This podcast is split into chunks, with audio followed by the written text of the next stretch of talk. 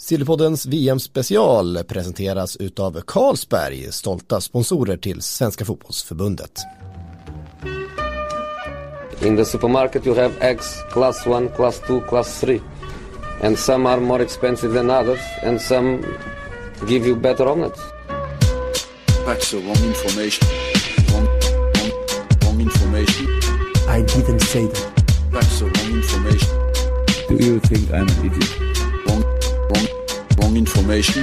Now look at me when I talk to you. Your job is to tell the truth. That's the wrong information. Wrong, wrong information.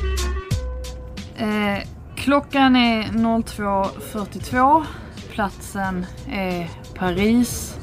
Och jag heter Frida Fagerlund och sitter här med mina tre kollegor Anna Rydén, Simon Bank och Petra Thorén. Och har precis bevittnat, eller ja det var en stund sedan i och för sig, men vi har fått bevittna Sverige ta sig vidare till en kvartsfinal i VM efter 1-0 mot Kanada. Jag tänkte säga att det blev 2-0. Det blev det ju inte. Det var lite VAR-situationer som rörde till det lite i hjärnan. Men 1-0 blev det. Stina Blackstenius gjorde det. Och eh, Simon Bank, ska du inleda med att försöka förklara vad som hände i, ikväll, eller igår kväll? Det var väldigt mycket en, en slutspelsmatch och det speciella med den var att det, det kändes väldigt mycket som Sveriges första match i VM. De har haft eh, programenliga segrar mot Chile och Thailand och sen en rotationsmatch mot USA. Eh, så det här var liksom första stora testet, första testet överhuvudtaget nästan. Och eh, jag tycker att man såg väl ganska tydligt vilken sorts lag som Sverige är.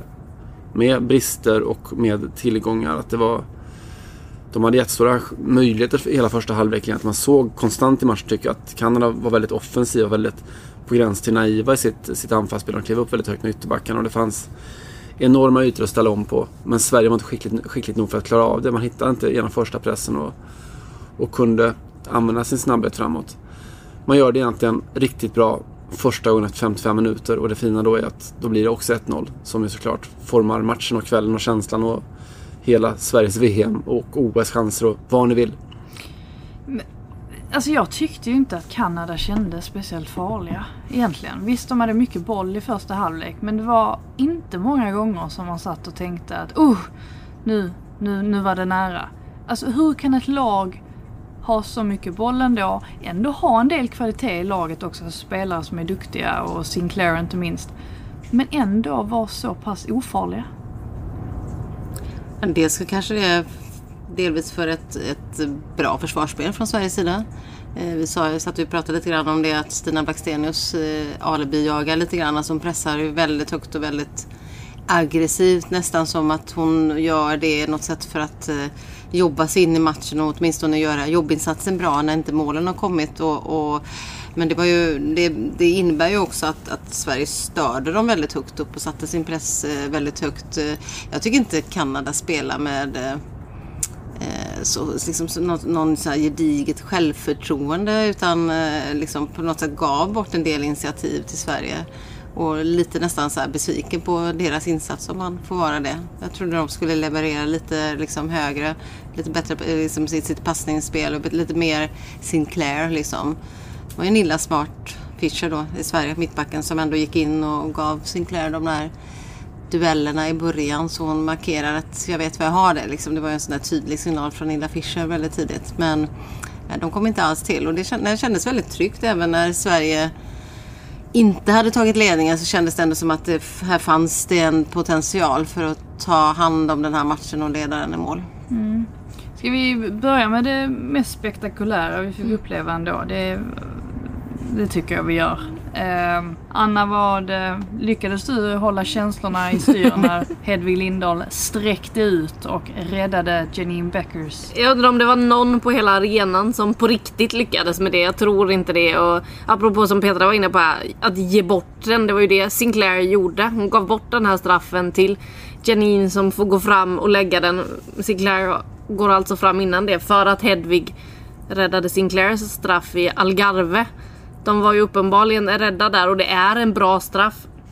Hedvig sträcker ut och Ja den där bilden, det är nog inte sista gången vi har sett den och det är nog inte sista gången vi har spolat tillbaka och tittat på den där räddningen. Såg en del som var ute på sociala medier nu och skrev att Åh äntligen så har vi en riktig hjälte i det här laget och, och äntligen visar Hedvig vilken klass hon håller. Det verkar som att de helt har glömt bort OS 2016 mm. men vi vet ju att så här bra kan Hedvig vara och eh, det är så otroligt skönt att hon får göra den här räddningen med den våren hon har i ryggen. Det är också speciellt att eh, matchen eh, har sina brister både underhållningsmässigt och och tekniskt och, och, och, så vidare. Men de här två definierande ögonblicken eh, med Hedvig Lindahls straffräddning och med, med Sveriges 1-0 mål, Stina Blackstenius med Rubenssons passning i djupled och med Kosovare Aslanis briljanta förarbete. De två sekvenserna håller ju en, alltså det kan knappt bli bättre än så. Det är, det är liksom ögonblick för fotalbumet båda de två. Och det är väl någonstans, så funkar ju slutspelet. Det är det, det, där, där som man tar med sig, det är det som man kommer att minnas väldigt mycket och det kommer vara någonstans definierande för hela Sveriges VM. För nu, nu är det ett bra VM. Eh, om Sverige åker ut nu som man har gjort. Man har presterat bättre än sin ranking och man har fått med sig i alla fall en referensmatch härifrån.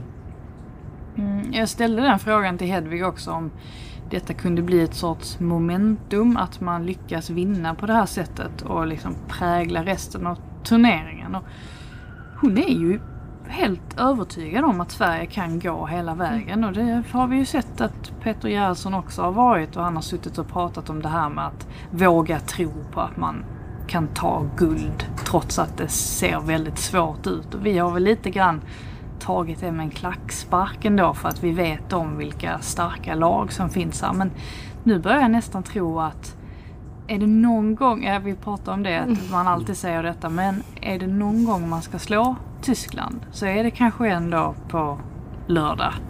Det, det känns ju som att de ändå har en chans trots att det var en så pass eh, Alltså trots att Tyskland var så himla överlägsna nu senast på Friends. Jag vet inte. Ja, det är någonting ändå som får mig att tro att eh, det här att det, att det kan gå. Nu tittar du på mig Frida. Ska jag då säga att jag håller med dig? Eller ska jag inte Nej, det? Men det var det... Nej, men jag, jag tycker på något sätt att, eh, att man har sett det på andra lag i, i den här turneringen nu när vi har gått in i slutspelsrundorna. Jag var ju själv i, i Le Havre och tittade på Frankrike som, som hade en kamp för att klara av Brasilien. Nu är Brasilien ett bra lag men Frankrike är ändå en av de stora favoriterna och det var inte enkelt för dem. Och, och USA fick slita hårt mot Spanien. Är, och det kanske ändå är så att, att det liksom inte är någon, några enkla matcher i VM. Det fanns en enkel match och den spelade Kanada mot Thailand. Men det finns inga andra enkla matcher. Och att de här storlagen som vi utser som guldfavoriter ändå går att nå på något sätt. Och, och, och, i det då med det generationsskiftet som skett i Tyskland och eh, nu är de ju starka defensivt men kanske inte fått till offensiven riktigt så är det kanske ett läge då för Sverige att, att nu är det dags som Magda Eriksson säger. Ja, hon tycker rätt. att vi har pratat klart om det där Tysklandsspöket nu. nu. Nu ska vi ändra historien är ju hennes take på det hela och det känns lite som att det är det som många, åtminstone av de yngre i landslaget känner att okej okay, nu ska vi gå in och ta den här chansen. För de ser ju det som du säger Frida som den gången vi ska kunna slå Tyskland och Kosse hon stod och log lite i Mixade när hon pratade om hur de ska kunna straffa Tyskland och det här med att hon ser att mm, deras backlinje, där kan vi nog straffa dem med våra snabba spelare. Det, det, kan bli kul på lördag. Hon ser fram emot matchen på lördag. Det var väldigt, väldigt tydligt när hon stod där i mixade zonen trots att hon som vanligt står med ett jättebandage på foten och ja, det ska vara ett brutet ben om hon inte spelar på lördag, det sa hon i alla fall. Jo, alltså en VM-kvartsfinal, det säger ju sig självt att det liksom är en stor grej för många av de här spelarna. Och det finns ju faktiskt ett par stycken som som inte har fått uppleva, alltså det pratas om det här med OS och en fantastisk turnering. Vi har ju faktiskt ett gäng som, som inte alls har fått uppleva detta överhuvudtaget. Så att det, nej, det, tror fasiken att de ser fram emot, emot lördagen. Eh, men eh, frågan är ju hur man straffar Tyskland. Är det, är det genom att täta till defensiven? Ja, alltså jag har oerhört svårt att se, se det, det hända måste jag säga. För Eh, jag har med mig matchen mot Tyskland som Sverige spelar hemma på Friends. Eh, där man ser det jätteproblem som Sverige får defensivt med den fotbollen som Tyskland spelar nu som är nu mycket, mycket mer lik. Alltså de som, som lyssnar och som har sett Tysklands herrlandslag spela fotboll med de här positionsbytena och rotationer. Väldigt offensiva ytterbackar. Eh, och allt det där. Alltså, Tysklands damlag är nu mycket mer likt det. Med den här nya, nya unga generationen. Så jag tror Sverige kommer få jätteproblem med just den aspekten. Det som jag tycker Tyskland har haft problem med är att de har liksom inte den här riktiga dyrköppnaren. De har inte riktigt haft det. Utan det har varit så mer det kollektivt starka. De har inte, som hade förr, de har ingen centertank. Alltså, de där som vi har lärt oss att frukta genom åren med Birgit Prins och, och så vidare. Så det kommer inte få så mycket gratis. Men det de har nu till, förmodligen då, till på, till på lördag är väl att, att Jennifer Marochan är tillbaka. Och då har de kanske världens bästa just i den, den där öppnande rollen och så. Eh, så jag tror att det kommer bli fruktansvärt tufft. Det som Sverige måste göra är att sätta defensiven ännu ett snäpp bättre. Och sen så har man de här hoten som vi, som vi känner till med framförallt Sofia Jakobssons snabbhet. Eh, och det handlar om att göra allt det som är gjort idag fast göra det, alltså det som vi såg med, med målet. Och göra det ännu bättre, ännu snabbare, ännu oftare helt enkelt. Känslan var ju också när man såg Tyskland i öppningsmatchen där mot Kina så Alltså hade Kina kunnat spela fotboll i princip då hade de nog vunnit den matchen. De kommer ju till åtminstone tre väldigt, väldigt bra lägen bara i första halvlek typ. Och Tyskland var inte alls där som slarvade extremt och det var inte... Alltså det är ju till slut där eh, Julia Gwynns eh, dis, fantastiska distansskott som gör att de får med sig tre poäng därifrån. Så att alltså med facit här så Tyskland har ju inte sett så starka ut som vi är vana vid att se dem. Ja, men så växer de in i turneringarna, är det inte så lite så? Att eh, skenet bedrar liksom från gruppspel in mot eh, slutspel och, och den känslan finns väl, tror jag, eller har jag med mig in mot den matchen. Att, eh, att det, det växlar upp, det är ett sånt lag som kan växla upp och liksom ta de här kliven som behövs in i slutspelet. Det finns ju också alltså den aspekten som finns, jag antar att det är som fiskar lite för om man ser på Tyskland över tid så. Så den här nya generationen har ofta haft problem med, med sådana här väldigt lågt spelande försvar. Eh, när man liksom inte kan dra isär på, på riktigt samma sätt. Och, alltså jag är nyfiken på hur Peter Gerhardsson resonerar för han, i hans DNA, i hans, hela hans ideologi som tränare så ligger just det här som, som Sverige försökt med idag också. Att ha något hyfsat högt pressspel och så. Att inte gå hem och Alltså, jag tror att Norge till exempel eh, skulle passa Tyskland väldigt, väldigt illa. Som har det där med två kompakta fyror som ligger väldigt, väldigt lågt för, framför, framför egen målvakt. Om Sverige kunde ha, spela det spelet kombinerat då med den här snabbheten som de har framåt. Det, där tror jag att man kan liksom maximera sina möjligheter på något sätt.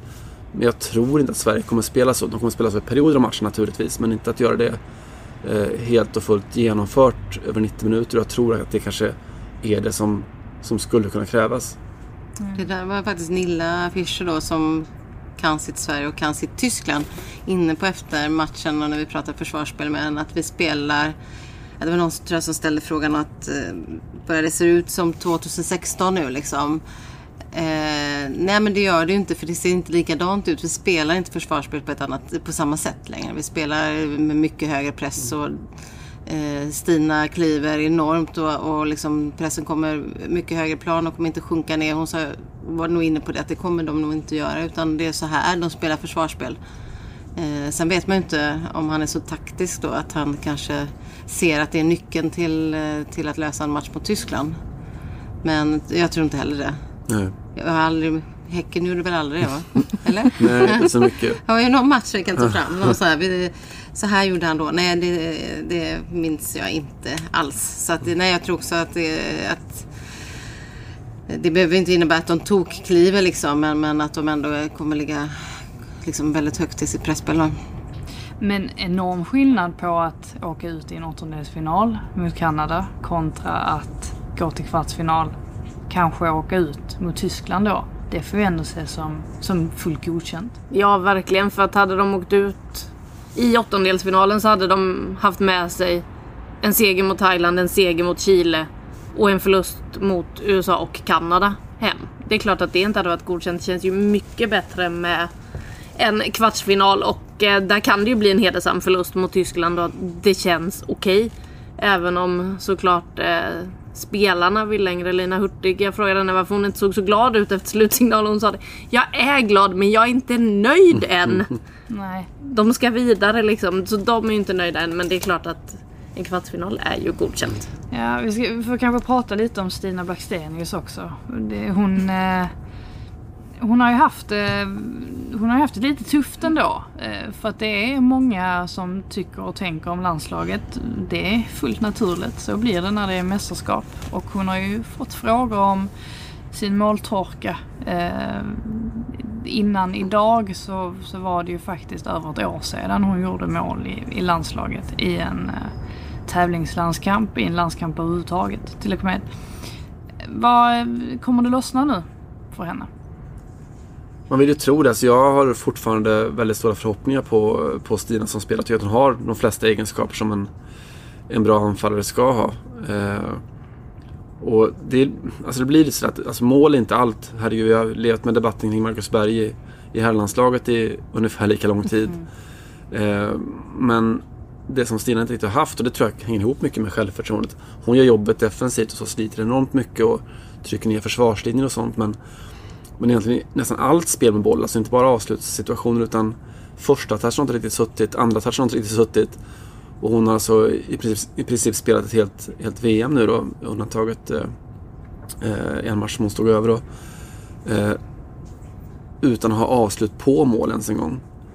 Eh, och haft väldigt få avslut överhuvudtaget.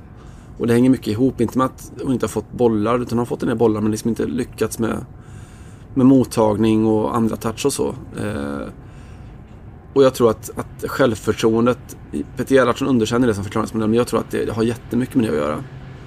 Och eh, då är det klart att om man går in och avgör en VM åttondelsfinal så på det sättet så, så alltså får man inte självförtroende av det så kommer man aldrig någonsin få det. Ungefär så. Mm. Hon var ju faktiskt väldigt, eh, ändå trots allt ganska rak med det tyckte jag efteråt. Att, att det är klart att det här betyder mycket för självförtroendet och det har varit frustrerande. Så, så långt sträckte hon sig. Eh, att inte göra mål och eh, någonstans i varje enskild aktion om du går in i den med någon form av bottenliggande frustra frustration eller med ett lugn och ett självförtroende så är det klart att det blir annorlunda och du börjar tänka. Liksom, och när du börjar tänka och det inte sker med instinkt och det inte sker per automatik liksom, den första touchen. Att du liksom mottag med, tag, gå liksom. Utan att du börjar tänka då, då är det klart att då, då fungerar det inte. Och det är väl då hamnar man i några lägen, det känns som att man har överjobbat lite och, och alla de här te tecknen som kan vara när man inte har självförtroende. Så jag tror visst att det har betytt ganska mycket för henne, eller, eller påverkat henne ganska mycket. Sen har hon varit i en miljö, tycker jag, de ändå har gjort bra, liksom, eh, landslagsledningen som har fått henne och ändå fortsätta liksom jobba och fortsätta eh, gå in och ge henne förtroende. För man kunde ju lätt ha funderat på om man skulle kanske ha petat henne för att hon inte funkar. Var, var Peter inne på det? Eh, Simon, du lyssnade på honom efteråt, på, eller på honom, förlåt. Eh, var han inne på det? Att han hade funderingar på att låta Anna Anvegård starta? Nej, inte överhuvudtaget. Det, det låter väldigt mycket som att han har, har stort förtroende för henne. Han pratar om väldigt mycket om jobbet hon lägger ner och att hon har varit viktig. Han pratar också om om självförtroendeaspekten. Han, han har pratat mycket så här, kontinuerliga fortlöpande diskussioner med Stina Blackstenius om, om de här sakerna. Han har, har verkligen inte upplevt att hon, att hon är störd eller att hon uh, har ett problem med självförtroendet och sånt. Uh, och sen lite kring hur hon har spelat i landslaget så Gerhardsson relaterade till sig själv där och sa att ja, målskyttet, visst det är klart att det är viktigt sådär men men eh, när han spelade som, som anfallare så upplevde han att eh, det kunde alltid vara skönt för en forward ändå att, att få en roll som handlar mycket om att, att jobba hårt, alltså att gå in i press. Att, så att du på det sättet får känna att du är väldigt aktiv och delaktig hela tiden. Alltså att du inte bara är en, den sortens anfallare som står och väntar på, på chanser. För gör du det och inte kommer ta avslut och inte gör mål och så, då kan det bli jobbigt. Men han, han tror att liksom själva spelidén i sig gör att hon känner sig delaktig. De känner att hon är, att hon är viktig för laget. Mm. Det är ju rätt intressant det där för att vi, vi har ju pratat mycket om det här med vilken lojalitet spelarna visar gentemot ledarstaben. Eh, men det är ju faktiskt så också att Peter Gerhardsson visar väldigt mycket lojalitet mot sina spelare eh, och håller ju faktiskt väldigt mycket fast vid samma spelare. Det är klart han släpper in vissa då och då som han ger liksom Madeleine Janogy chansen och så. Det är inte så att han håller på en startelva. Men däremot så är han ju väldigt, väldigt tydlig med att trots nu att Stina har svårt med målskyttet så är han väl ändå ganska tydlig med att hon är första valet trots allt. Eh, och så visst testar Anvegård mot Thailand. Men det är fortfarande Stina som är första val. Det får man ju ändå ge honom att det har han säkert mycket, alltså, mycket för att han gör så. För då, det är väl klart att spelarna känner att de vill spela för honom. Jag tror att det finns en bra sak i, under en turnering som den här. Att, alltså en känsla av att han, Peter Gerhardsson går in i turneringen med, med en idé, en tydlig, alltså en elva och en idé om hur han ska spela. Och sen håller fast vid just det. Så jag tror att alla spelarna i laget är, inför en sån här match, så tror jag att Alltså det är klart att de som inte spelar blir besvikna, men jag tror att väldigt få som blir överraskade, för de vet nog. Både de som ska spela och de som inte ska spela, att Peter Gerhardsson har sin, sin gala elva eh, som man tror på. Det, jag tror att det, är, att det är bra att man inte börjar hatta under ett VM. Du kan hatta kanske visst med en, en uttagning hit och dit, men inte med grundidén och det upplever inte jag att han gör. Nej. Ja, vi får väl se hur det går i eh, Rennes på lördag. Um, kanske ska tillägga också som vi pratade om tidigare att det här verkligen är ett lag som eh, förtjänar väldigt mycket ändå med, med individer som är fantastiska på så många olika sätt. Peter, du var... Eh, du, du, det är nästan så att man blir lite rörd när man tänker på alla de här, särskilt de lite äldre som har varit med så himla länge. Då tänker jag ju inte minst på Kapten Seger. Ja men faktiskt är det. Jag tycker, jag ska nog vilja sträcka mig så långt om det nu spelar någon roll att jag är här så är det för att följa dem faktiskt. För att det är personer som jag tycker står för så mycket och starka saker och så starka värderingar. Sen har jag under alla år som jag har bevakat damlandslaget liksom, det är klart att man utvecklar några relationer och jag var inte med på ett mästerskap eh, varken OS eller i Kanada kom jag, kom jag dit men då åkte de ju ut. men jag var inte med sen på OS och inte var med på EM heller då. Eh, men, men känner att eh, alltså, idrott är ju så mycket personer och, och det är personer bakom prestationerna och det här är verkligen så starka personligheter, så starka kvinnor.